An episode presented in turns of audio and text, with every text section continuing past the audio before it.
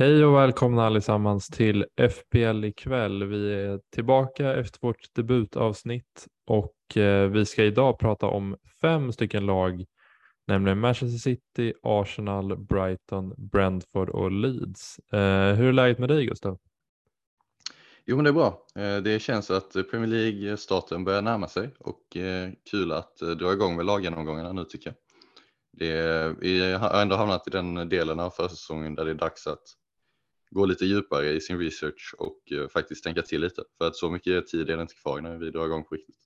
Nej, precis. Eh, det har ju hänt mycket, eh, både när det gäller på övergångsfronten och även försäsongsmatcherna som har börjat dra igång och man har fått se lite resultat och grejer. Eh, så det är väldigt kul tycker jag. Jag är väldigt taggad både på de här avsnitten som vi kommer köra och inför FPL-starten.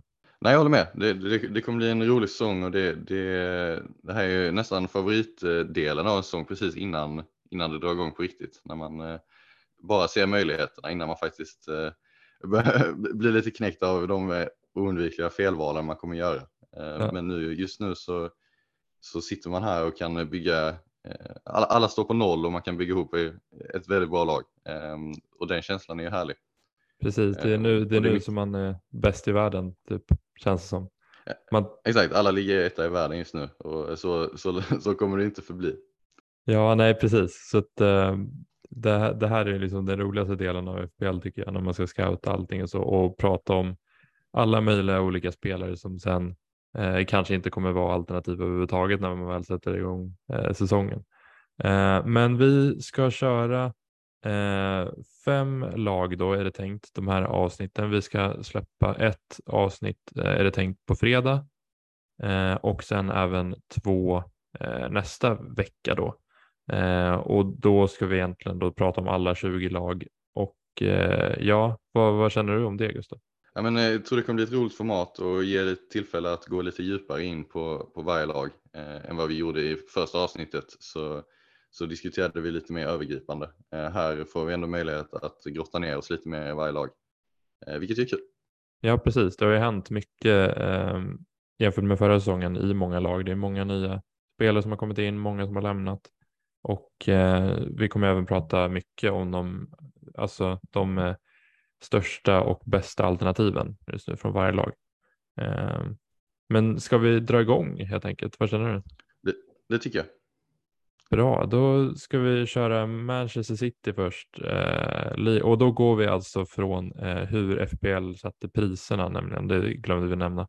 Så att eh, Manchester City är först ut och det var årets, eh, eller förra säsongens ligavinnare. Och hur känner du inför Manchester City i år? Tror du de kommer eh, vinna igen? Ja, det är mycket möjligt. Han har ju tagit fyra av de fem senaste ligatitlarna och Pep eh, visar ju att han bygger det här laget på ett sätt som gör dem i princip ostoppbara över 38 matcher. Eh, nu har de ju dessutom eh, fått in en klassanfallare, Håland, första gången sedan sen Agüero som de har en, en riktigt bra anfallare. Och det återstår ju att se lite hur det kommer, hur det kommer påverka City och deras spel. Men jag har ju svårt att säga att det ska vara negativt om man säger så. Ja, verkligen. Det är, det är så sjukt med Manchester City att de kan värva in en spelare som Calvin Phillips och bara sätta honom på bänken och ha honom som truppspelare. Eh, bara plocka Leeds bästa och viktigaste spelare och kunna liksom använda han som för att rotera. Det är, man märker vilken eh, skillnad det är mellan Manchester City och många av de andra lagen i den här ligan. Ja, verkligen. De tappar Fernandinho eh, och plockar en av ligans bästa defensiva mittfältare för en halv miljard. Eh, och eh, vi kan inte räkna med att han kommer få särskilt mycket speltid. Eh, men att han ändå att de ändå lyckas plocka honom och övertyga honom, det säger en del om hur, hur attraktivt det är för spelarna att tillhöra Manchester City just nu. Verkligen. Sen har det ju hänt lite ut också från Manchester City. De ju, eh, du kan ju berätta lite mer Gustav. Ja, de har ju, de har ju tappat Raheem Sterling till Chelsea, Gabriel Jesus till Arsenal Eh, är de två största egentligen. Eh, de har ju även tappat Fernandinho och ryktas ju ganska intensivt om att eh, Sinchenko också kommer gå till Arsenal. Och det är ju ändå, får man säga, ganska signifikanta spelartapp. Men vägs ju upp av att de har plockat in Haaland, Julian Alvarez från River Plate och Calvin Phillips just nu. Ryktas, ska också säga, ryktas ganska kraftigt om att de kommer plocka Eh, Kuchereya och ersätta Sinchenko med honom, eh, Brightons wingback. Eh, och lyckas de med det så får man ju säga att det är ett väldigt bra fönster de gör. Ja, verkligen. Ehm, det är många som verkar fynda på deras bänk, Arsenal framförallt. Ehm, så det, vi kommer ju komma till Arsenal senare i programmet, men jag tror ändå att Manchester City ses som stora favoriter i år igen ehm, till att ta hem det. Ska vi gå in lite på deras eh, FPL-alternativ eller deras schema? Vad känner du? Vi kan väl börja med schemat eh, och konstatera att det är väldigt bra inledningsvis. Eh, om vi ser till de första åtta omgångarna, vilket man väl kan göra innan det, innan det förmodligen börjar bli dags för FPL managers att, eh, att dra sitt första wildcard, eh, så är det i princip bara bra matcher. De har en match mot Tottenham i omgång sju, men i övrigt är det, är det grönt det mesta. Eh, och eh, både, nu, nu för tiden vet ju både City, Liverpool och alla andra topplagen att det kommer krävas, kommer krävas över 90 poäng för att vinna ligan den här säsongen och då har man inte råd att att dra på sig några slarviga poängtapp, eh, speciellt inte i början av säsongen. Och eh, eh, därför räknar jag med att City bara kommer köra från start. Eh, spela bästa laget innan, innan CL drar igång finns egentligen ingen riktig anledning för, för Peppa att rotera särskilt mycket heller. Eh, så jag, jag misstänker att han kommer spela i princip bästa laget Eh, de första fyra, fem veckorna i alla fall. Eh, och, och har svårt att se att de ska tappa särskilt många poäng här. Ja, alltså det är ju egentligen en genomgående trend i eh, FPL den här säsongen att de bästa lagen har egentligen det bästa schemat skulle jag säga. Och det gäller ju framförallt Manchester City när de eh, har så pass bra som de ändå har. De har ju, ja, men du, som du säger, massa gröna matcher och det är väldigt svårt att gå utan eh, ja, men Håland framför allt skulle jag nog säga på grund av det. Ja, verkligen. Det känns ju helt givet för mig i alla fall att ha minst två City-spelare. Eh, ser inget problem alls med att ha tre. Eh, det är egentligen bara pengarna som, som är problemet där, att, att spelarna är relativt dyra. Ehm, eh, men spelschemat är ju inget hinder överhuvudtaget, utan det, det gör ju bara att det känns helt givet för mig med två City-spelare. Eh, minst en back och sen så har jag ju personligen svårt att se förbi Håland. Verkligen. Vilka, är det Cancelo då som du skulle säga är främsta valet på backplatsen. Cancelo sticker ut, eh, framförallt för hans offensiva förmåga. Eh, ett mål, 11 assist för säsongen och då underpresterade han ju sin XG ganska rejält. Det är ju problemet, han, han är ganska svag avslutare, eh, men kommer till så extremt många lägen, eh, både för sig själv och, och att han skapar dem för, för andra.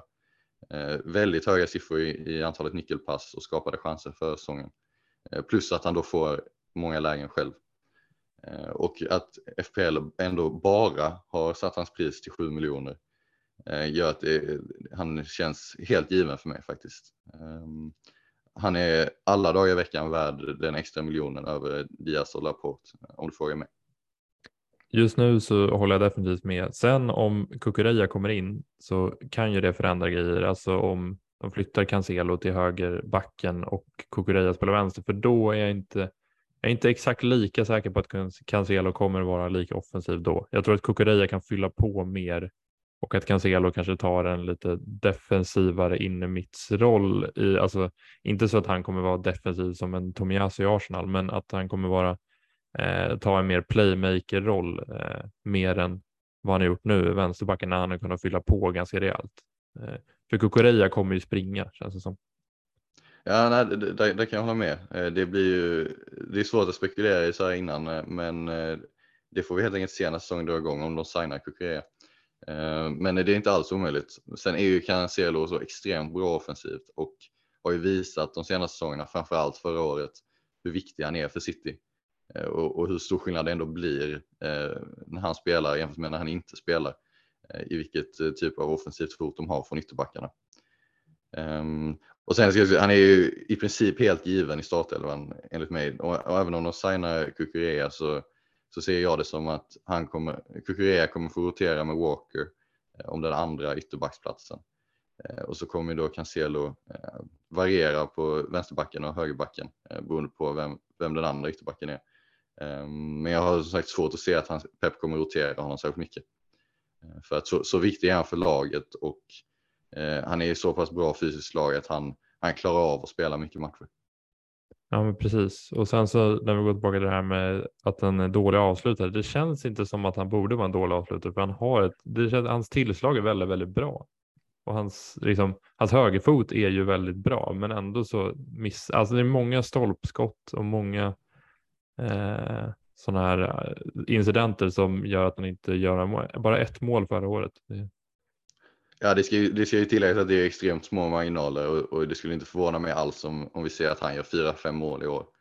Eh, men det har ändå varit så de senaste två åren att man har, han har, man har sett att han har underpresterat sett till sina eh, expected goals och man ser ju bara när man kollar på matcherna att han, han bränner mycket. Eh, och det är som sagt, han kanske har slipat på det för han har ju, han, som du säger, han har en bra högerfot. Ehm, men det är ändå lite oroväckande. Sen eh, jag föredrar alltid en spelare som kommer till lägena framför en som, som sätter de väldigt få lägen man får. Han, eh, att han får lägena gör ju att det är möjligt att, att vi ser, ser fler mål från honom den här säsongen. För att han kommer ju få chanserna. Precis. Um, vad tänker du kring mittfältarna i City? För där är det ju det är några som vågar gå dit, men de flesta eh, lämnar det nog som en, eh, ja vad ska man säga, eh, de lämnar den platsen helt enkelt. Jag ser inte jättemånga Manchester City mittfältare i folkslag där ute. Vad känner du? Det, det är en väldigt intressant position. Eh, var för sig så är både Foden, Mars och Grealish väldigt intressanta. Eh, problemet eh, som jag ser det är att det är svårt att förutse vilka som kommer starta på yttrarna.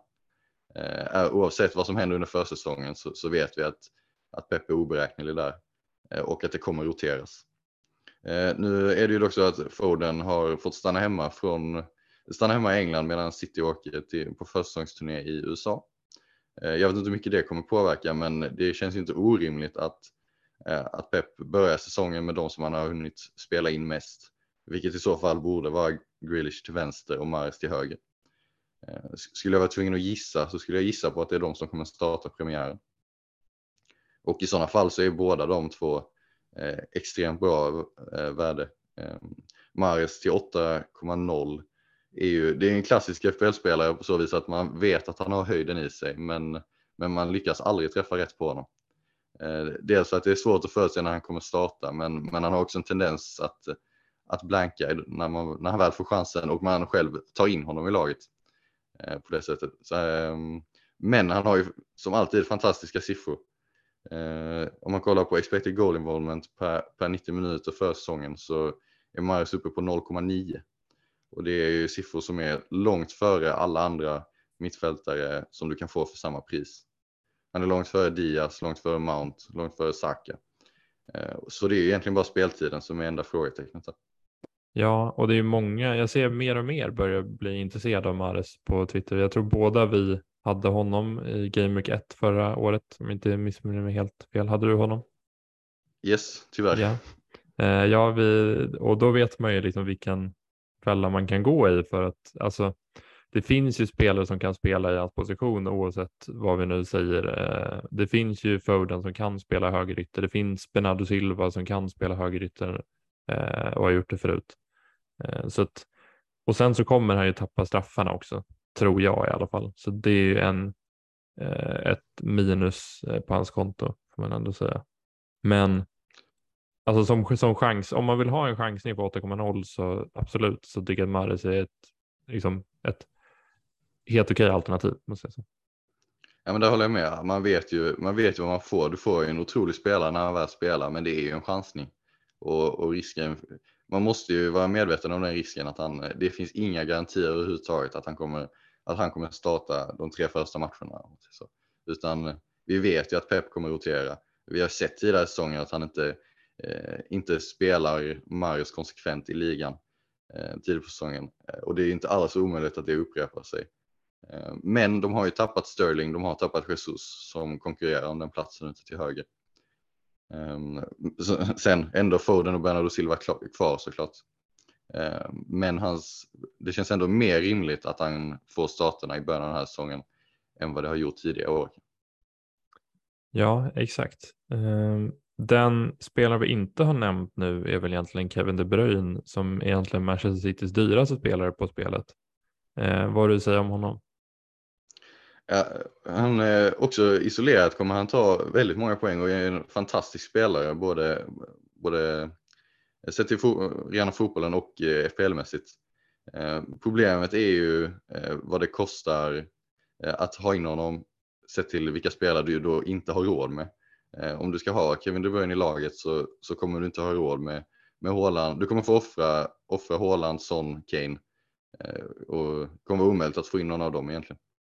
Eh, och det, det är han inte värd om du frågar mig. Eh, utan jag föredrar ju Haaland om man ska ha en, en dyr City-offensiv. Eh, han kommer ju vara den som är sist på bollen i de flesta av, av Citys anfall.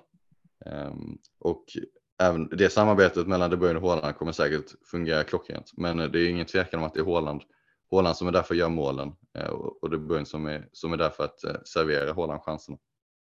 Ja, precis. Och när Håland har straffar och är 0,5 billigare så tycker jag det är ganska enkelt val för mig i alla fall. Eh, jag tror inte att många håller. är sugen på De Bruyne. Nej, och det ska ju tilläggas att Håland har ju ett otro, otroliga målsiffror. Han har gjort 85 mål på 88 matcher i Dortmund. I Champions League har han gjort 23 på 19. Det är läskigt. Det är en, det är en klassanfallare. Och City skapar ju så extremt mycket chanser. Eh, att Håland kommer ju, kommer få, kommer få sina lägen. Eh, och det, det, finns väl ingen som säger att det är orimligt om, om, om, man påstår att han kommer göra 25 mål den här säsongen. Det enda som är emot är ju, är ju skadeproblemen. Han hade ju tre, tre hyfsat stora skador för säsongen. Han missade 16 matcher för Dortmund. Eh, och, och, det finns ju ändå ett problem med en sådan skadehistorik för en spelare som ändå är så ung. Så det är inte orimligt att tro att, att Pep kanske tar det lite lugnt med honom för att han inte vill överbelasta honom.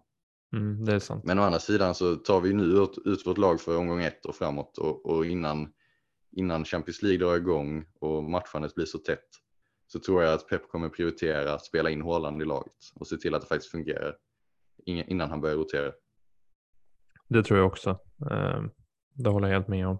Sen angående De Bruyne också. Ehm, det var ganska sjukt tycker jag att han gjorde 15 mål förra säsongen. Eh, på de, eh, jag tror han var den som överpresterade expected goals mest i hela ligan och eh, då kan man ju säga så här, ja, De Bruyne är en väldigt bra avslutare.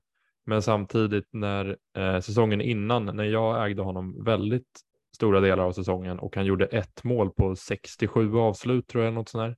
Det var något helt sjukt. Han underpresterade sina expected goals så otroligt mycket då, fick jag, då var det liksom samma argument mot att han inte var en bra avslutare. Men nu när han gör massa mål, då blir han en bra avslutare. Ja, så att, eh, det, det finns ju delade meningar kring Kevin De Bruyne och jag tycker i alla fall att han gjorde de här fyra målen mot Wolves överskuggade lite hans säsong. Jag tror inte den var lika bra som eh, folk kanske tycker där ute. Jag vet inte vad du känner.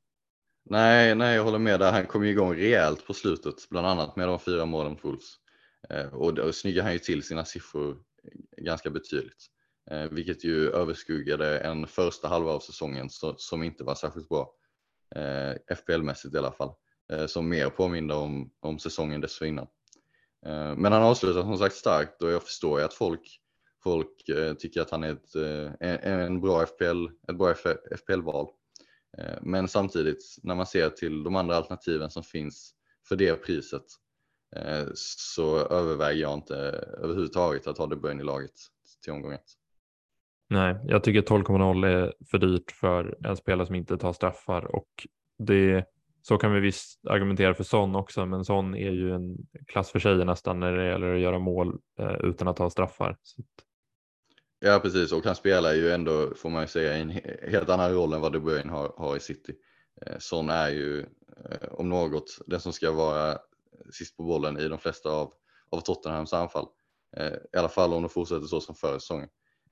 Så, så den går inte riktigt att jämföra där. Jag håller med om att man hellre betalar man betalar hellre 12 miljoner för Son än vad man gör för De Bruyne i år. Ehm, enligt mig. Precis. Eh, ska vi gå vidare då från eh, Son och Tottenham till eh, deras eh, North London Rivals i Arsenal. Eh, och deras eh, övergångsfönster som har eh, varit, ja, som jag gillar, eh, framförallt Gabriel Jesus som är, jag tror nästan han har gått förbi Sala nu i ägandeprocent, vilket är helt otroligt. Eh, och eh, så har de även värvat in Fab, eh, Viera från Porto och eh, kan väl nästan räkna in Sinchenko tycker jag eh, i Arsenals värvning. Jo, men det ska de är väl, eh, Fabrizio Romano har väl rapporterat att de är överens med Manchester City och har ju svårt att se att de inte skulle komma överens med, Sinchenko. Eh, så vi kan väl i princip betrakta den som klar. Ja, det är väl Jesus som är den stora eh, grejen för FPL. Det är otroligt många som har honom och jag förstår verkligen varför 8,0 är en väldigt billig prislapp för en sån spelare. Eh, det är ju en forwardsroll där Lacazette eh, hade platsen eh, stora delar av förra säsongen. Eh, han hade ju en väldigt annan roll än när Enketia kom in där. Enketia var ju betydligt mer eh, mot mål direkt Eh, och Lacazette hade någon form av eh, hold-up roll där han skulle spela fram sina mm, medspelare för att han hade inte många avslut själv. Lacazette. Det var ett tag där han knappt sköt ett skott tror jag. Eh, men när Enketia kom in så visade han att det behöver nödvändigtvis inte vara så för deras central forward utan Enketia fick ju många chanser själv och jag tror Jesus kommer få samma roll som Enketia hade. Och det är väldigt lovande. Ja, jag håller med. Det, det, om det är någon roll han tar eh, så är det ju snarare den som Enketti hade. Eh, han kommer inte, jag ser inte att han kommer droppa lika djupt som Lacazette. Han är inte riktigt den spelartypen. Utan han är, han är invärvad för att göra mål och då ska han hamna så nära mål som möjligt. Eh, de, de kommer skjuta fram honom, han är bra i djupled. Ehm, och jag tror, tror verkligen på Jesus 8,0 jättebilligt. Jag hade inte blivit förvånad om det hade varit en miljon dyrare. Eh, och även om han ska ju inte vara den, den spelaren med näst högst ägandeskap i spelet. Eh, det, det kan jag inte påstå är, är, är rättvisande. Men jag förstår ju samtidigt att det är så många som väljer honom. Eh, för 8 miljoner så, så, är han ett väldigt bra val. Eh, Arsenals spelschema är också, precis som Manchester Citys, otroligt bra. Det är ju Manchester United i omgång 6, i övrigt så är det bara gröna matcher i princip. Eh, de första åtta omgångarna. Ja, precis. Jag, jag, tycker att det kanske är lite överskattat de två första matcherna. Med, jag tycker inte Crystal Palace borta är en lätt match i eh, Premier League och jag tycker inte att Leicester hemma den här säsongen kommer vara lika lätt som det var förra året från ett offensivt perspektiv. För att jag tror att Leicester kommer stärka upp bakåt i alla fall när de har fått tillbaka alla deras spelare från skador och liknande. Jag håller med om att de, de, är, de, är, de, de är de tuffare matcherna i den här eh, sviten de första åtta omgångarna. Men enligt mig mer från ett defensivt perspektiv. Jag har svårare att se att Arsenal kommer hålla nollan i de här matcherna eh, än att de ska göra mål. De kommer ju hota offensivt. Varken Crystal Palace eller Leicester är jättesolida försvar. Eh, så Arsenal kommer göra mål de här två matcherna. Eh, och i sådana fall är det ju högst troligt att Jesus kommer vara inblandad. Eh, vi såg ju i hans debut, förvisso inte mot särskilt starkt motstånd, men hoppade väl in, gjorde två mål och fixade fram, eller var inblandad i, i två självmål. Um, fyra mål framåt då. Uh, och han kommer ju ta en, ta en roll där han är väldigt involverad i, i Arsenals anfallsspel. Uh, och tycker att han är ett, eh, som sagt ett väldigt bra val. Det ska ju också tilläggas att det höga ägandeskapet gör ju att om man väljer att gå utan Jesus så måste man enligt mig vara, vara väldigt övertygad om att han inte är ett särskilt bra val. För det är en stor risk man tar. Det är många som sitter där och många av de eh, mest pålästa eh, FPL-managers som, som kommer ha Jesus i laget. Och om man då väljer att gå utan och Jesus gör fyra, fem mål första åtta matcherna eh, så, så kommer man halka efter på ett sätt som, som inte är önskvärt i början av säsongen. Nej, precis. Men det finns även argument för att ja, men en spelare som Saka Eh, Eh, att man kan gå för honom före Jesus. Vi vet fortfarande inte vem som tar straffar. Det hade varit väldigt bra för oss att se under försäsongen eh, om eh, vem, vem, som tar dem för att det hade ju varit en väldigt stor grej om Jesus. Jesus vi kanske inte ens vill att Jesus ska ta straffar för han är så dåliga på dem, men eh, vi, får, vi får se. Jag skulle ju gissa, så om man ser till avslutningen på försäsongen så, så verkar det nästan som att Martinelli är första straffskytt han tog den sista straffen med, med Saka på plan Eh, dessförinnan tog Saka två, en där Martinelli inte var på plan och en som jag eh, är ganska säker på att jag läste att det var, planen var att Martinelli skulle ha slagit. Ja, jag, jag tror också det Martinelli faktiskt och det gör mig faktiskt sugen på att ha en spelare som Martinelli i laget trots att han är så eh, rotation prone som han ändå är. Ja, det är det stora problemet att det är väldigt ovisst med speltiden där. Eh, han kommer ju förmodligen vara första val ute till vänster, eh, men har ju Smith Rowe bakom sig och nyförvärvet Vira som inte riktigt vet vad han kommer eh, spelas in. Inte orimligt att tro att det är ute till vänster bland annat. Eh, vilket ju gör att även fast Martinelli är första valet så med, speciellt med fem byten så, så kommer han ju plockas av. Han kommer, eh, väldigt svårt att se att han får 90 minuter i särskilt många matcher. Ja, exakt. Vi kan ju gå in lite på Vera också för att jag har skrivit lite. Det är inte så många som har jättebra koll på honom som spelare från Porto, men eh, jag tror också att han kommer börja inleda på bänken och du kommer försöka liksom hitta en roll till honom. Han spelade ju i vad ska man säga, eh, han spelade ju 4-2-3-1 som Arsenal eh, gjorde i Porto och eh, spelade då i Ödegårds position. Så att, eh, Eh, han startade bara 15 av de 27 matcherna som han spelade där, men han gjorde sex mål och 14 assist på de 15 starterna. Det är väldigt imponerande siffror. Ja, det är starka papper, men eh, känns ju utan tvekan som, som given på den positionen. Jag har, har väldigt svårt att se att vi skulle komma in och, och, och peta honom där. Eh, så att jag håller med om att man kan förvänta sig att han kommer sitta bänk i början eh, och rotera sin lite långsamt. Eh, svårt att veta exakt vilka planer Arteta har för honom. Jag har ju svårt att se att han vill ersätta Ödegård, men eh, det handlar ju förmodligen mer om att bygga en, bygga en bred trupp för att eh, hantera många matcher och tätt spelschema. Ja, eh, exakt. Och jag tänker bara tillägga lite kring eh, Gabriel Jesus där också, för att, eh, som vi pratade om innan. För Enketia hade ju Förra säsongen hade han 0,65 expected goal involvement per 90 minuter och eh, det var ju bäst i hela Arsenal.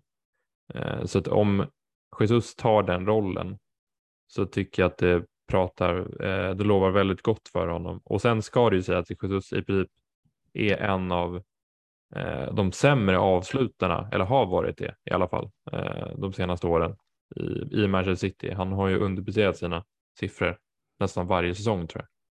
Så att, eh, man, man, kan ju bli, man kan ju få lite huvudvärk säkert om han kommer till massa lägen och så bränner man. Men som du pratade om innan, man vill hellre ha en sån spelare än en spelare som inte kommer till så många lägen och sätter dem skulle jag säga.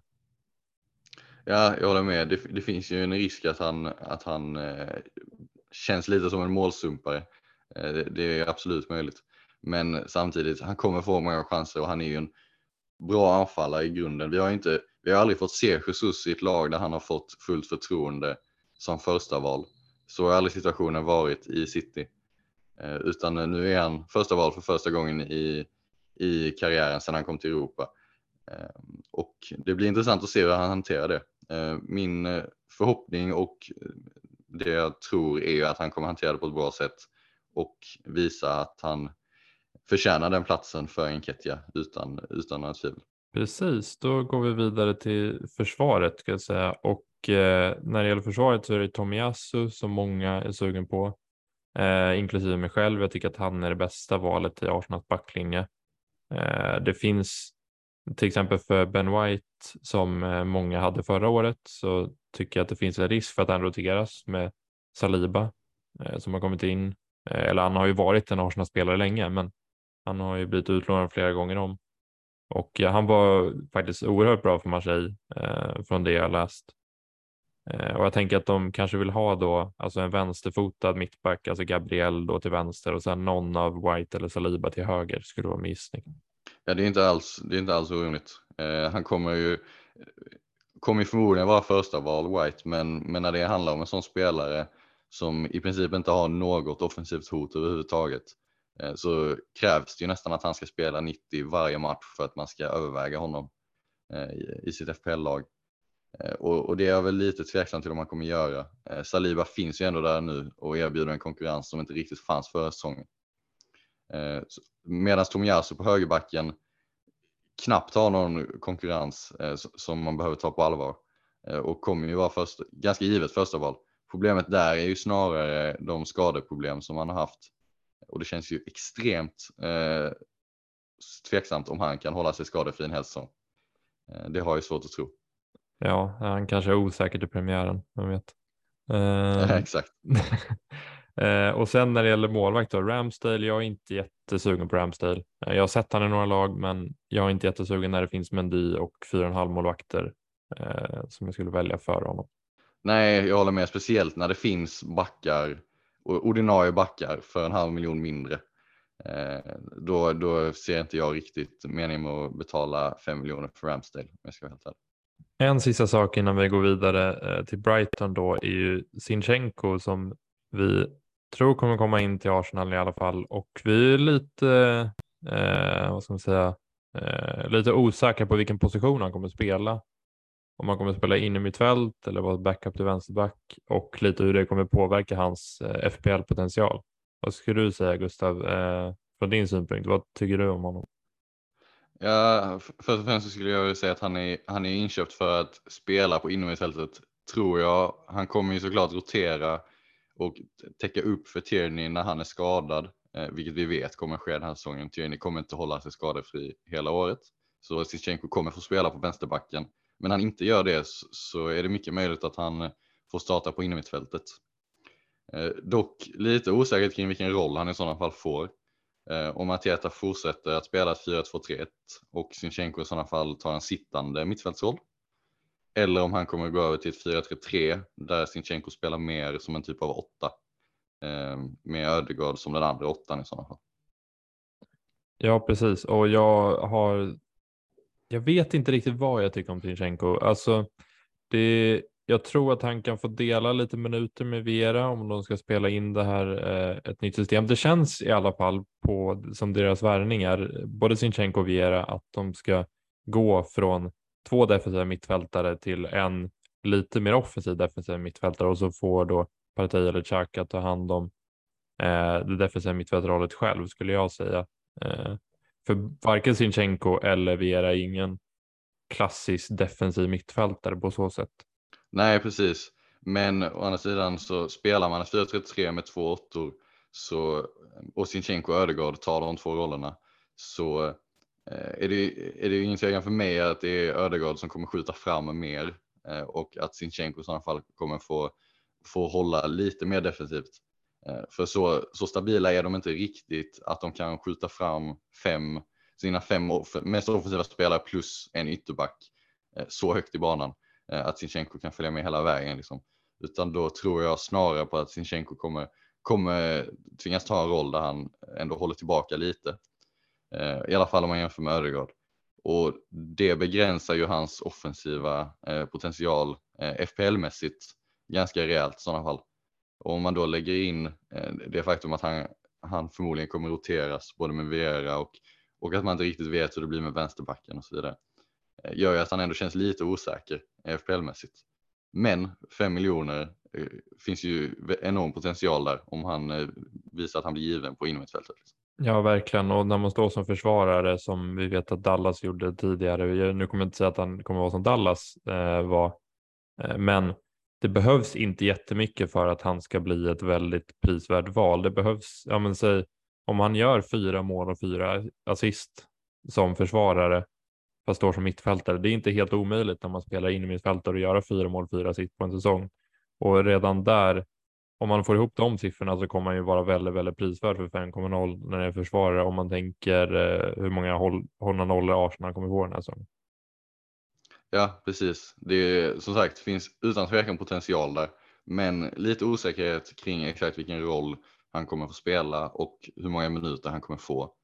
Ehm, men potentialen finns där och jag skulle inte alls bli förvånad om, om vi vid någon punkt, tidpunkt den här säsongen eh, kommer se Sinchenko med över 30-40% ägandeskap. Ehm, men som sagt, det är lite osäkert just nu så, så det känns lite som en, att man får vänta och se det. Jag håller med. Ehm, vi väntar och ser helt enkelt i början skulle jag säga. Ehm, ska vi gå vidare till Brighton då? Yes, eh, och där har vi ju Eh, en, ett nyförvärv speciellt som, som jag vet att eh, både du och jag är ganska nyfikna på eh, FPL-mässigt och det är ju Dennis Undav eh, från, eh, som de har plockat in från belgiska ligan. Eh, kostar bara 5,5 miljon i FPL och eh, har ju öst in mål i Belgien. Han gjorde 26 mål, 12 assist på 39 matcher förra säsongen. Och dessförinnan gjorde han 17 mål och 4 assist på 26 matcher. Det är ju dock, belgiska ligan kan man ju ifrågasätta vilken nivå det är.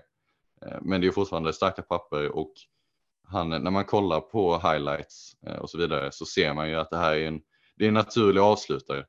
Till skillnad från Mopey och, eh, och Welbeck som också finns som anfallsalternativ Brighton är ju, är ju för, för skadebenägen för att räkna med på riktigt.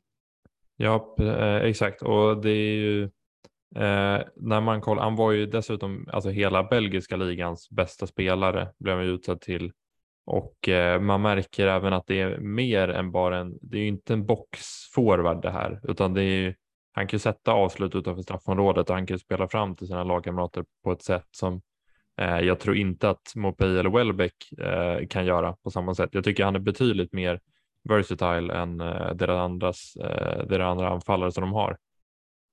Så att, vi såg ju redan nu bara förra matchen, han gjorde ett mål direkt utanför straffområdet i senaste matchen.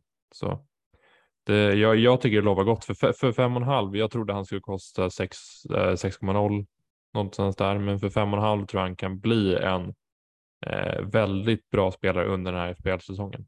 Jag håller med. Det är ju, eh, han kommer ju förmodligen vara första val. Jag har svårt att se något annat. Han kommer, han kommer få förtroende i början. Eh, och om han bara levererar så har jag svårt att se att han skulle tappa den positionen. Eh, problemet är ju att om han går, om han går tre, fyra matcher utan att göra mål så kommer ju Potter lockas att slänga in Mopé eller Welbeck som ändå finns där och konkurrerar och även om de inte är jätteskarpa anfallare så har de ju visat att de, att de ändå håller en, en godkänd Premier League-nivå. Eh, och man ska ju inte helt räkna bort den rotationsrisken. Nej, verkligen. Och man, man har ju gått och sagt väldigt ofta så här att Brighton saknar en målskytt eh, och han kommer göra otroligt många mål om han spelar i Brighton och så här.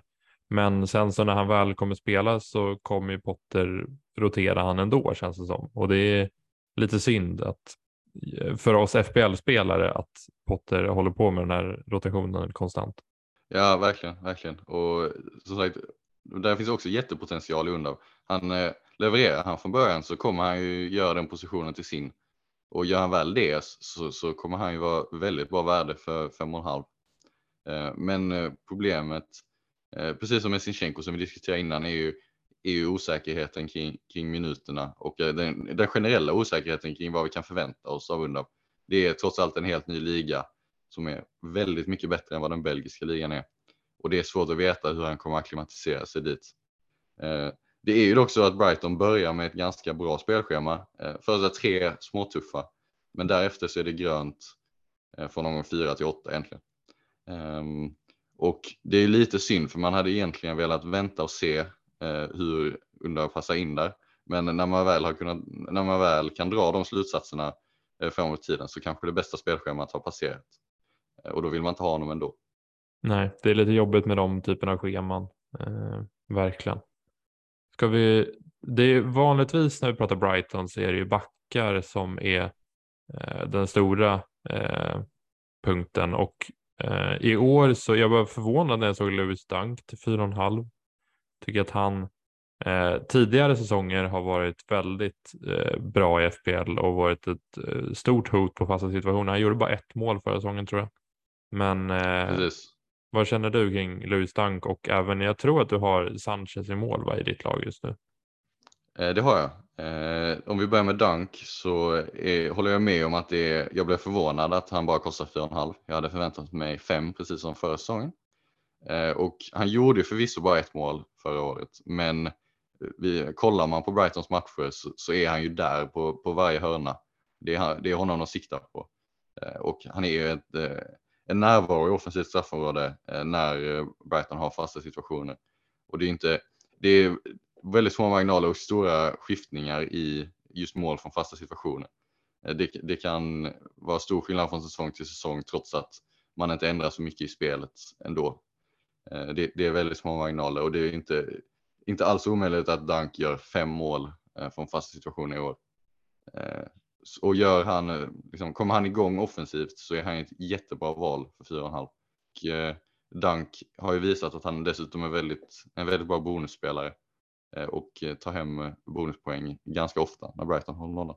Verkligen. Den enda ändringen var egentligen förra säsongen att Shane Duffy fick ganska mycket speltid eh, och han är ju nästan en ännu större hot på fasta situationer så det kändes som att det var mycket, många fasta som gick mot, mot han istället. Men nu den här säsongen tror jag inte det, jag tror inte han kommer få se en minut. Jag vet inte om han är kvar i klubben. Nej, nej han kommer inte, han kommer inte vara en faktor på samma sätt den här säsongen. Eh, och då är det ju tillbaka till att det är Dunk man siktar på. Eh, om vi ska prata Sanchez så är han ju eh, väldigt intressant i 4,5 eh, miljoner kategorin när det gäller målvakterna. Eh, det är ju det brukar ju vara så att, att man aldrig vill spendera mer än 4,5 på sin målvakt. Det gäller inte riktigt i år för det har ändå kommit lite andra eh, intressanta alternativ som är dyrare. Mendy och Ederson till exempel. Men i alla fall om man kollar på 4,5 miljoners målvakterna eh, så står det ju för mig mellan Sanchez, Raya och Meslier. Eh, och där är ju Sanchez eh, just nu den som jag har i mitt lag. Eh, Brighton är ju det bästa försvaret av de eh, tre lagen eh, med målvakterna som är intressanta. Och frågetecknet egentligen är ju att Bissouma har lämnat och Kukureya lämnar förmodligen. Ehm, och den påverkan som det kommer få på Brightons försvar är ju svårt att, svårt att förutse exakt hur stor påverkan det kommer få. Det kommer vi inte få veta förrän efter att säsongen har dragit igång. Eh, men det är rimligt att tro att, att defensiven kommer försvagas. Ja, och det, det är lite osäker på när det gäller Brighton. Jag tycker att Bizuma var en väldigt, väldigt viktig spelare för dem. Eh, och även om Kukureya lämnar så kommer även det ha stor påverkan. Får se helt enkelt. Jag, jag tycker det är svårt att välja 4,5 målakt. Det, det, är inte, det är inte så tydligt direkt vem man ska gå på. Nej, det är svårt och sen, sen gäller det att komma ihåg att det är det skiljer oftast inte så många poäng mellan de här målvakterna. Det är ju, man tenderar att över, övervärdera vikten av eh, det beslutet att välja målvakt helt enkelt. Eh, för att målvakt är ju den positionen i FPL där skillnaderna, skillnaderna mellan, mellan den bästa målvakten och den tionde bästa målvakten, eh, de är inte så stora helt enkelt. Nej, även, det, även, fast du, även fast du säger det så var ju, jag har ju dålig erfarenhet när, Goaita, när jag hade Guaita förra året och Ramsdale drog på hur många nollor som helst och var helt otrolig där en säsong eller en del av säsongen och Guaita fick, blev bänkad och all, alla möjliga grejer. Så det, det kan ju påverka. Ja. Ja, så är det. Det där var, just Guaita var ju lite oturligt eh, med bänkningarna där och det var ju ett extremfall skulle jag vilja hävda. Om man kollar mer på lång sikt, ehm, eller så långt som man kan kolla, det vill säga till nästa wildcard, eh, så är det ju ingen som vill tvingas att byta målvakt, så man får helt enkelt välja, välja en målvakt och sen behålla honom tills man kan byta ut hela laget igen. Eh, det är så jag brukar spela. Jag brukar eh, verkligen försöka minimera antalet målvaktsbyten. Och också eftersom det är, det är ganska lite oförutsägbar position också eh, på vissa sätt för att det kommer vissa matcher där, där inget går in för motståndarlaget eh, och, och målvakterna tar ja, upp mot 10 poäng. Men eh, sådana såna matcher kan komma ganska slumpmässigt eh, och det är därför som man brukar säga att, att om man försöker rotera målvakter, det vill säga spela två 4,5 målvakter i FPL eh, och välja den som man tror mest på varje vecka så brukar inte det vara ett framgångskoncept utan snarare leda till att man, man, man bänkar den som tar flest poäng. Eh, just eftersom det, det är ganska oförutsägbart. Exakt. Har du något att tillägga eh, i Brighton innan vi går vidare till Brentford? En sak faktiskt, jag vill ändå nämna Leandro Trossard för 6,5 som inte kommer vara nära mitt lag till omgång 1 men som är en spelare att hålla koll på ändå. Eh, han gjorde 8 plus 4 förra säsongen, 141 poäng i FPL. Eh, snittade 4,3 poäng per start och jag ser ändå förbättringspotential här. Han är en, eh, förmodligen den viktigaste spelaren offensivt för Brighton. Eh, om han nu får under att, att leka med offensivt så ser jag eh, som sagt en förbättringspotential. Och bara lite så eh, kuriosa är ju att eh, Trossads siffror, om man kollar på hans underliggande siffror från den säsongen som var, så är de i princip identiska med Jared Bowens från inte försäsongen utan säsongen dessförinnan, det vill säga säsongen innan han slog igenom på riktigt. Eh, jag ser inte att Trossard kommer leverera den här, det här året som Bowen gjorde förra, men potentialen finns där. Eh, det är den typen av siff underliggande siffror som man har. Och eh, kommer du undan vinn så, så finns potentialen där och helt enkelt, en, helt enkelt en spelare man får hålla koll på. Ja, men absolut. Det är en spännande spaning. Vi går vidare till Brentford då, då och ehm, eh, lite övergångsfönster. Man har värvat in tre spelare som eh, kan ha påverkan på våra FBL-lag. Det är då eh, Aaron Hickey från Bologna som då Arsenal varit efter tidigare vad jag vet och sen även Keen Lewis Potter från Hull och Strakosha från Lazio. Jag tror att han var free agent men man värvade in honom från Lazio i alla fall. Eh, men om vi pratar om, jag tror inte att Strakosha kommer ha jättestor påverkan på eh, vårt FBL. Vi, eh, det var ju lite osäkert om han eh, skulle ta Rajas plats, men det verkar som att man har värvat in honom som backup beroende på, man är lite så osäker på om Raja kommer eh, vara kvar där jättemycket längre tid. Eh, men om vi går vidare till Aaron Hickey och Keen Lewis Potter så tror jag att de kan ha mer påverkan på vår FPL-säsong faktiskt. Eh, båda är ganska stora värningar för 20 miljoner euro för eh, en klubb som Brentford och det är två talangfulla spelare som är födda 01 och 02.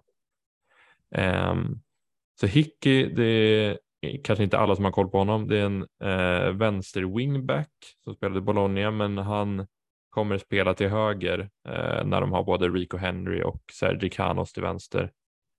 Eh, ja, det, det, har vi egentligen i princip fått liksom bekräftat från Brentfords Twitter för att det var en lite rolig historia. Eh, när de annonsade Hickey så så var det, så quote retweetade de ett konto som hette How many days since Brentford signed the right back?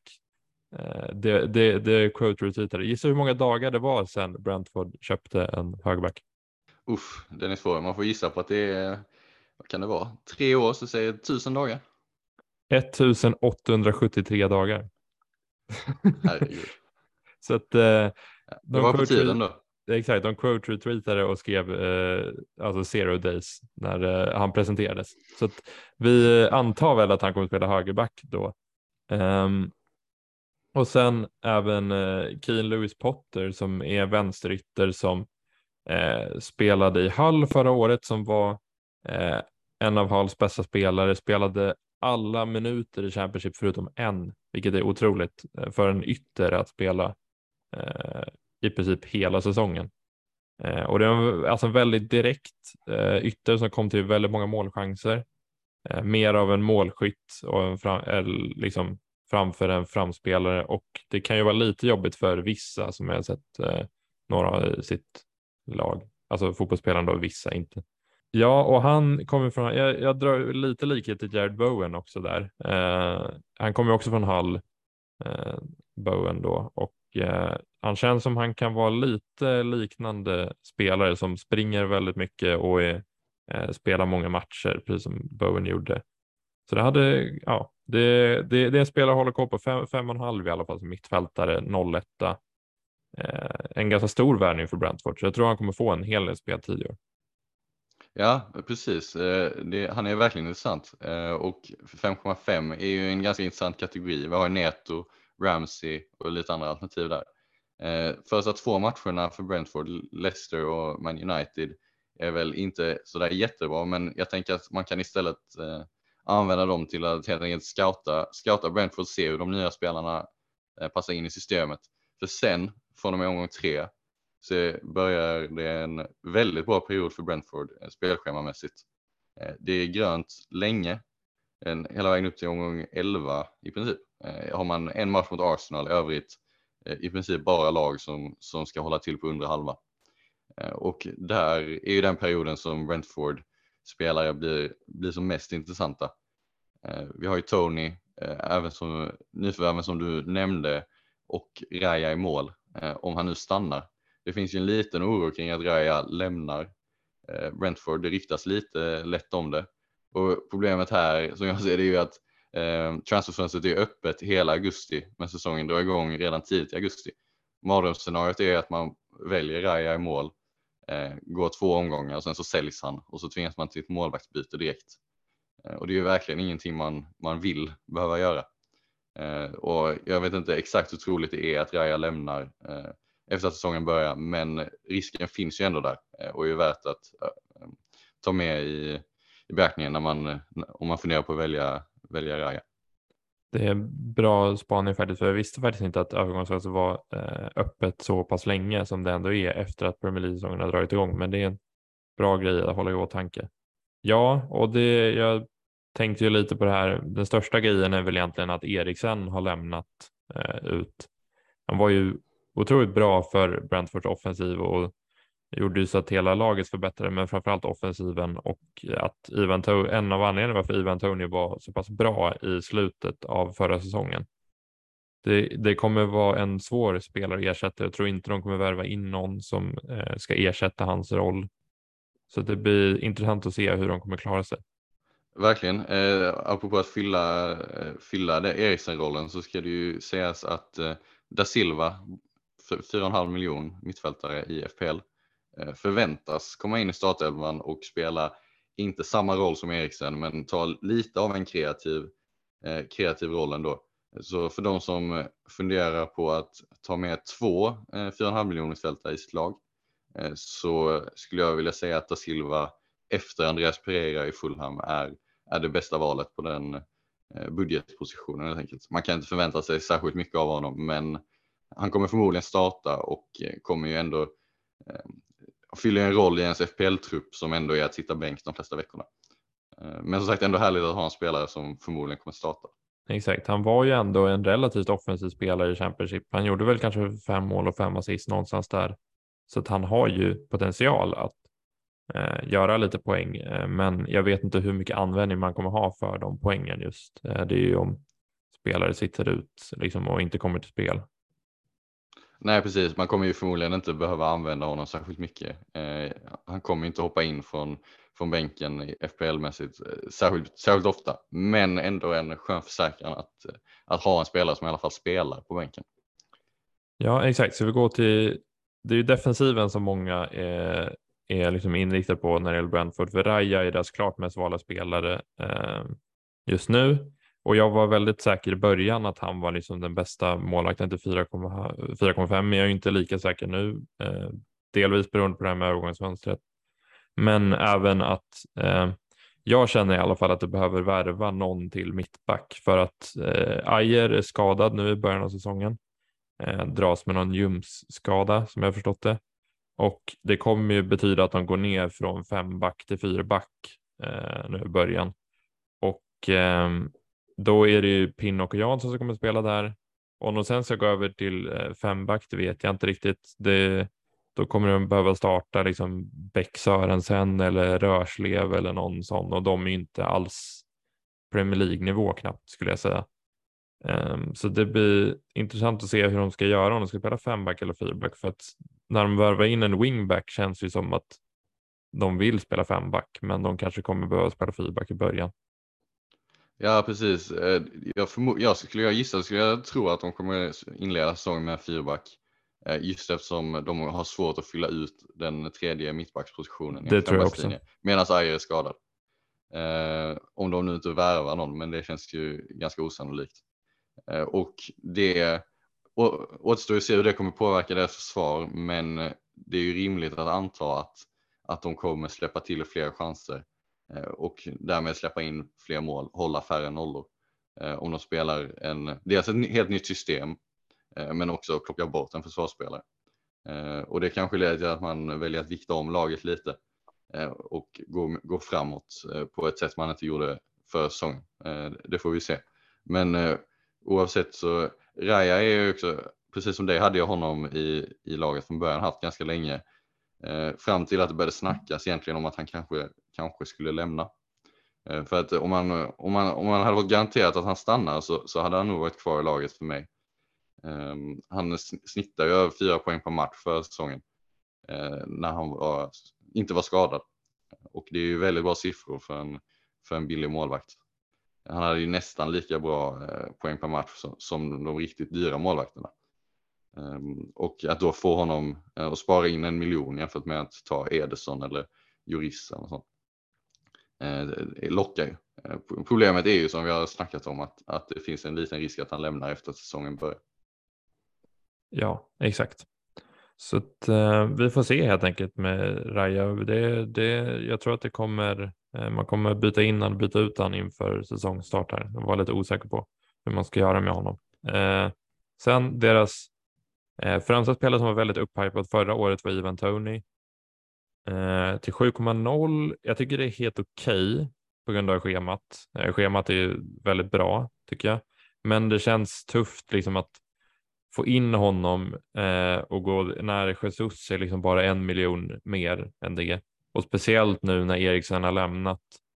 Tony utan Eriksen tycker jag hade en ganska tuff säsong eh, första halvan.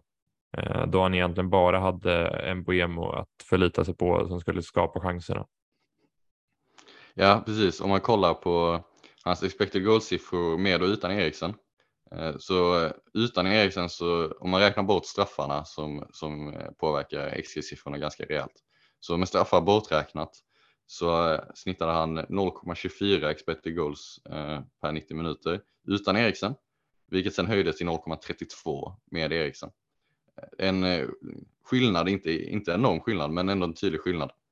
Eh, ska ju dock sägas att ingen av de här siffrorna egentligen är jättebra eh, för en anfallare Eh, det är inga supersiffror eh, och han hamnar ju, priset är ju, priset är rimligt i sig för Tony, 7 miljoner. Problemet blir eh, de andra alternativen som finns. Det är ganska, för mig är det ganska givet att ha minst en premiumanfallare, antingen Holland eller Kane. Och sen är Jesus också relativt given bredvid.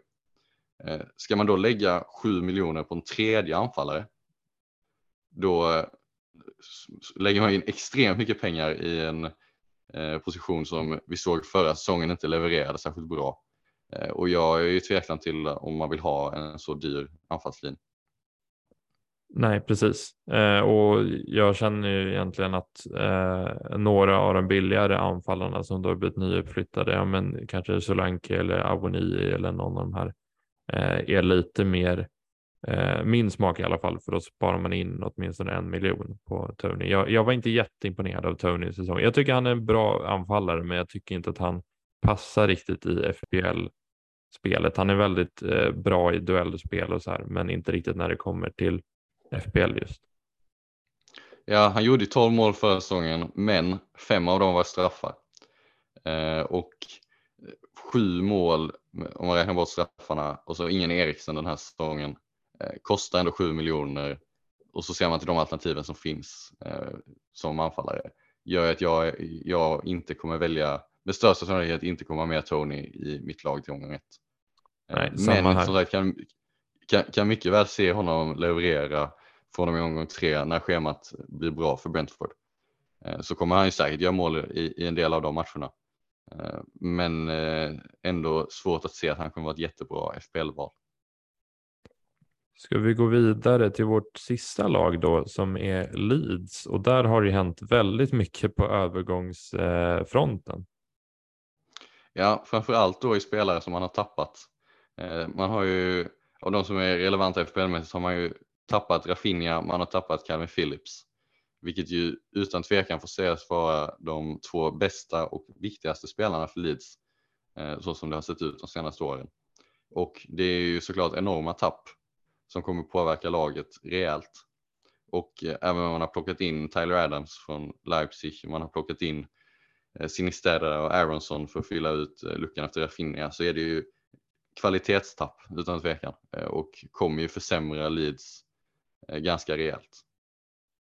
Ja, alltså det, det beror som på hur de här nya spelarna som kommer in. Eh, det, det är såklart att det är två väldigt stora spelare som eh, de har tappat. Men det beror, alltså, de har ju ändå, jag tycker ändå de har värvat smart i de här nya spelarna som kommit in. Det känns, det känns lite som eh, Aston Villa förra året när de, när de tappade Jack Grealish och sen så försökte bredda ut truppen med de pengarna som de har fått. Eh, och jag tycker väl eh, att de har gjort en hel del bra värvningar, men det är jag, jag vet inte, jag, jag, känner att det saknas lite defensiva värvningar. Alltså, jag, en försvarare, nu har de värvat in Christensen eh, från Salzburg, men till exempel de har inte värvat in en mittback vad jag, eh, jag tror inte de har gjort det i alla fall. Jag tror inte de har värvat in en vänsterback heller. Eh, och det var ju där Leeds hade klart mest problem förra året.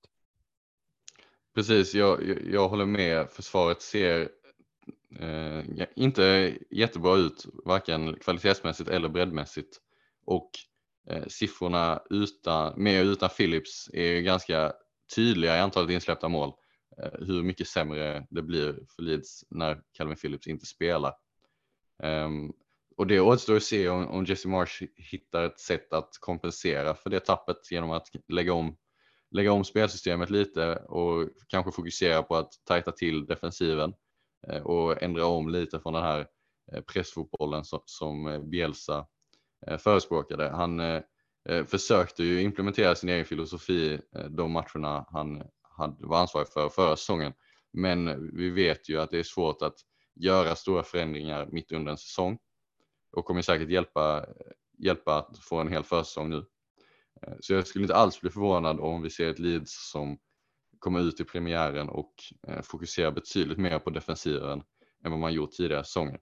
Eh, just eftersom de inte har något val. De, de kunde, den mer offensiva flödande fotbollen kunde fungera okej okay när du hade Cameron Phillips som var där och täckte upp. Men när han inte finns där så måste man liksom lägga om spelet lite.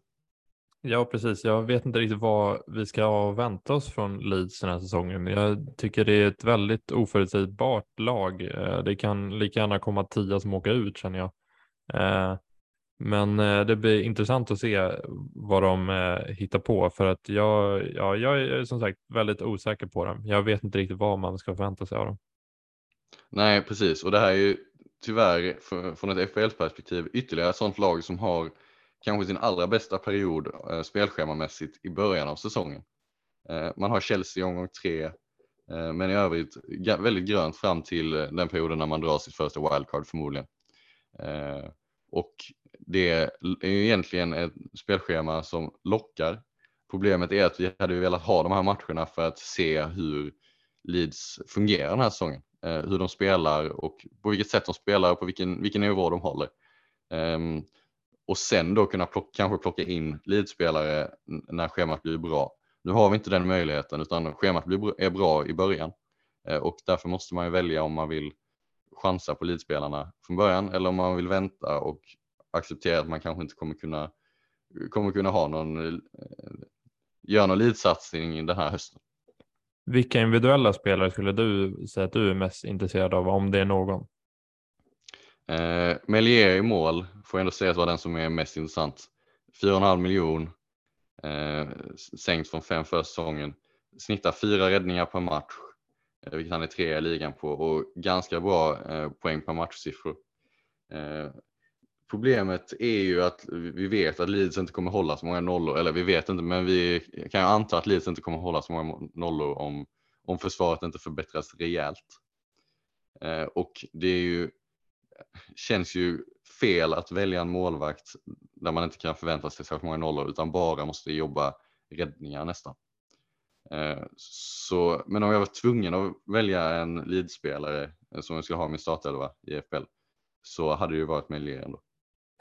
Ja, jag är inte jättesugen på Melier om jag ska vara ärlig. Eh, jag hade han tror jag någon gång någon tidigare säsong, men jag är inte jättesugen, delvis för att de inte har värvat några nya mittbackar eh, överhuvudtaget och jag tycker det är där de har haft nästan störst problem. Eh, och delvis för att eh, Melier eh, förra året var faktiskt riktigt dålig ska jag säga. Eh, det var, även, även fast de släppte till väldigt många chanser så var han eh, inte alls bra tycker jag. Jag tycker han var betydligt bättre eh, säsongen innan. Och ehm, man kan ju, det finns ju väldigt så avancerad statistik när det är målvakter och så post shot, expected goals, allting eh, som finns. Och när jag kollade på post shot, expected goals förra året så var han sämst av alla målvakter i hela Premier League. Så det, eh, han hade ingen jättebra säsong kan man ju lugnt säga, men eh, man kan ju eh, kanske att det ändras nu under mars. Eh, får se. Ja, det är inte, så kan det mycket väl vara. Och så här, han är ju inte, han är inget jättebra alternativ, men det är ändå den man tittar åt i Leeds mest för att utespelarna i princip är helt ointressanta eh, FBL-mässigt. För mig i alla fall. Eh, så han är, Melier är väl snarare den som är minst ointressant än att han är mest intressant. För att eh, för mig står målvakterna, om man ska ha en 4,5 målvakt så står det mest mellan Raya och Sanchez nu. Men jag tycker ändå att man ska fundera, och, eh, fundera på och överväga Melier. Eh, men däremot utespelarna är ju i princip ointressanta. Eh, ska få hålla koll på Gellhart som har fått en prisökning upp till 5,5. Eh, men inte mycket möjligt att han får en del speltid. Bamford verkar inte hitta rätt efter sina skadeproblem. Och det finns möjlighet att Leeds dessutom provar att spela med två anfallare. Verkar lite osäkert just nu. Ingen spelare som kommer vara nära mitt lag i omgång ett, men ändå en spelare att hålla lite koll på. Ska också tillägga eh, högst ägandeskap i Leeds just nu har ju Sam Greenwood 4,5 miljon. 28 procent av spelet har honom i sitt lag. Eh, och det är väl inget fel med det egentligen, men eh, vill bara liksom tydliggöra att man kan inte förvänta sig att man får en startspelare här för 4,5. Eh, det kanske är folk som ser det höga ägandeskapet och tänker att han måste starta eh, om så många äger honom. Eh, men så kommer det inte vara. Han är ingen startspelare. Kanske får något inhopp här och där. Eh, men kommer inte starta eh, den här säsongen för Leeds. Ehm, så om, det, om man tror att eh, det är det man får för 4,5 miljoner så får man tänka om där. För som sagt, det är ingen startspelare.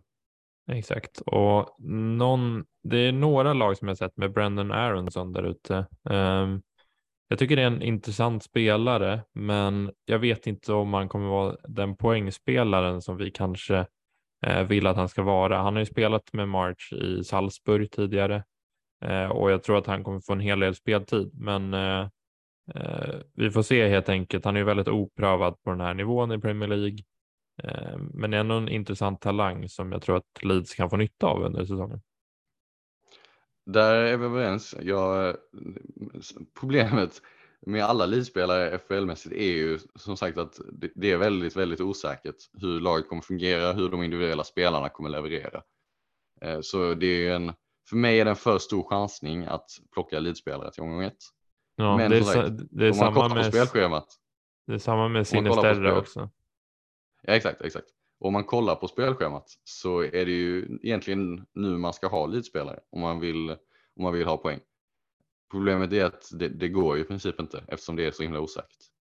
Nej, precis. Och deras, alltså att två av deras backar är 5,0 och sen att Dallas är den Dallas är tillbaka i försvaret, vilket är väldigt kul att se för, för oss som eh, spelade det här. Jag kommer inte ihåg vilken säsong det var, men eh, det, det, var en otrolig säsong får man ändå säga. Men att de har två backar för 5,0 är ju ganska sjukt. Ja, verkligen. När det finns eh, till exempel Arsenal-backar för 4,5. Arsenals högerback kostar 4,5, Leeds högerback kostar 5. Det är ju ja. helt orimligt. Christensen är ju dock, hade, han hade varit ett alternativ till 4,5 för det är en otroligt offensiv högerback som gör ganska många mål. Eh, så det hade varit fint i 4,5. Nu när han är 5,0 tror jag inte han är ett alternativ överhuvudtaget, vilket är jättesynd. Ja, det håller jag med. Ja, och där hade vi tänkt eh, avrunda lite. Eh, hur känner du Gustav kring de här fem lagen då nu när vi summerar?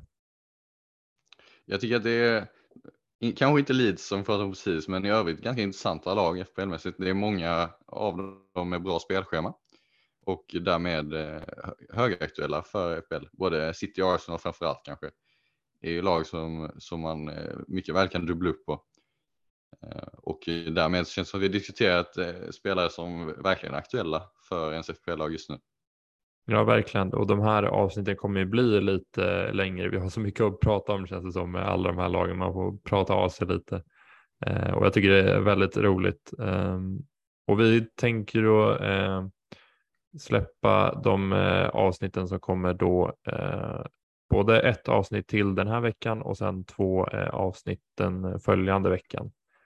så det ser jag verkligen fram emot. Ja, precis, verkligen. Eh, det, det är som sagt ett eh, kul format, man får grotta ner sig lite i de här lagen. Eh, gå mer på djupet och diskutera på riktigt. Ehm, och sen så exakt, planen är att köra fyra avsnitt och där, gå igenom alla lag. och sen så kör vi ju ett sista avsnitt veckan innan, sista veckan när säsongen börjar.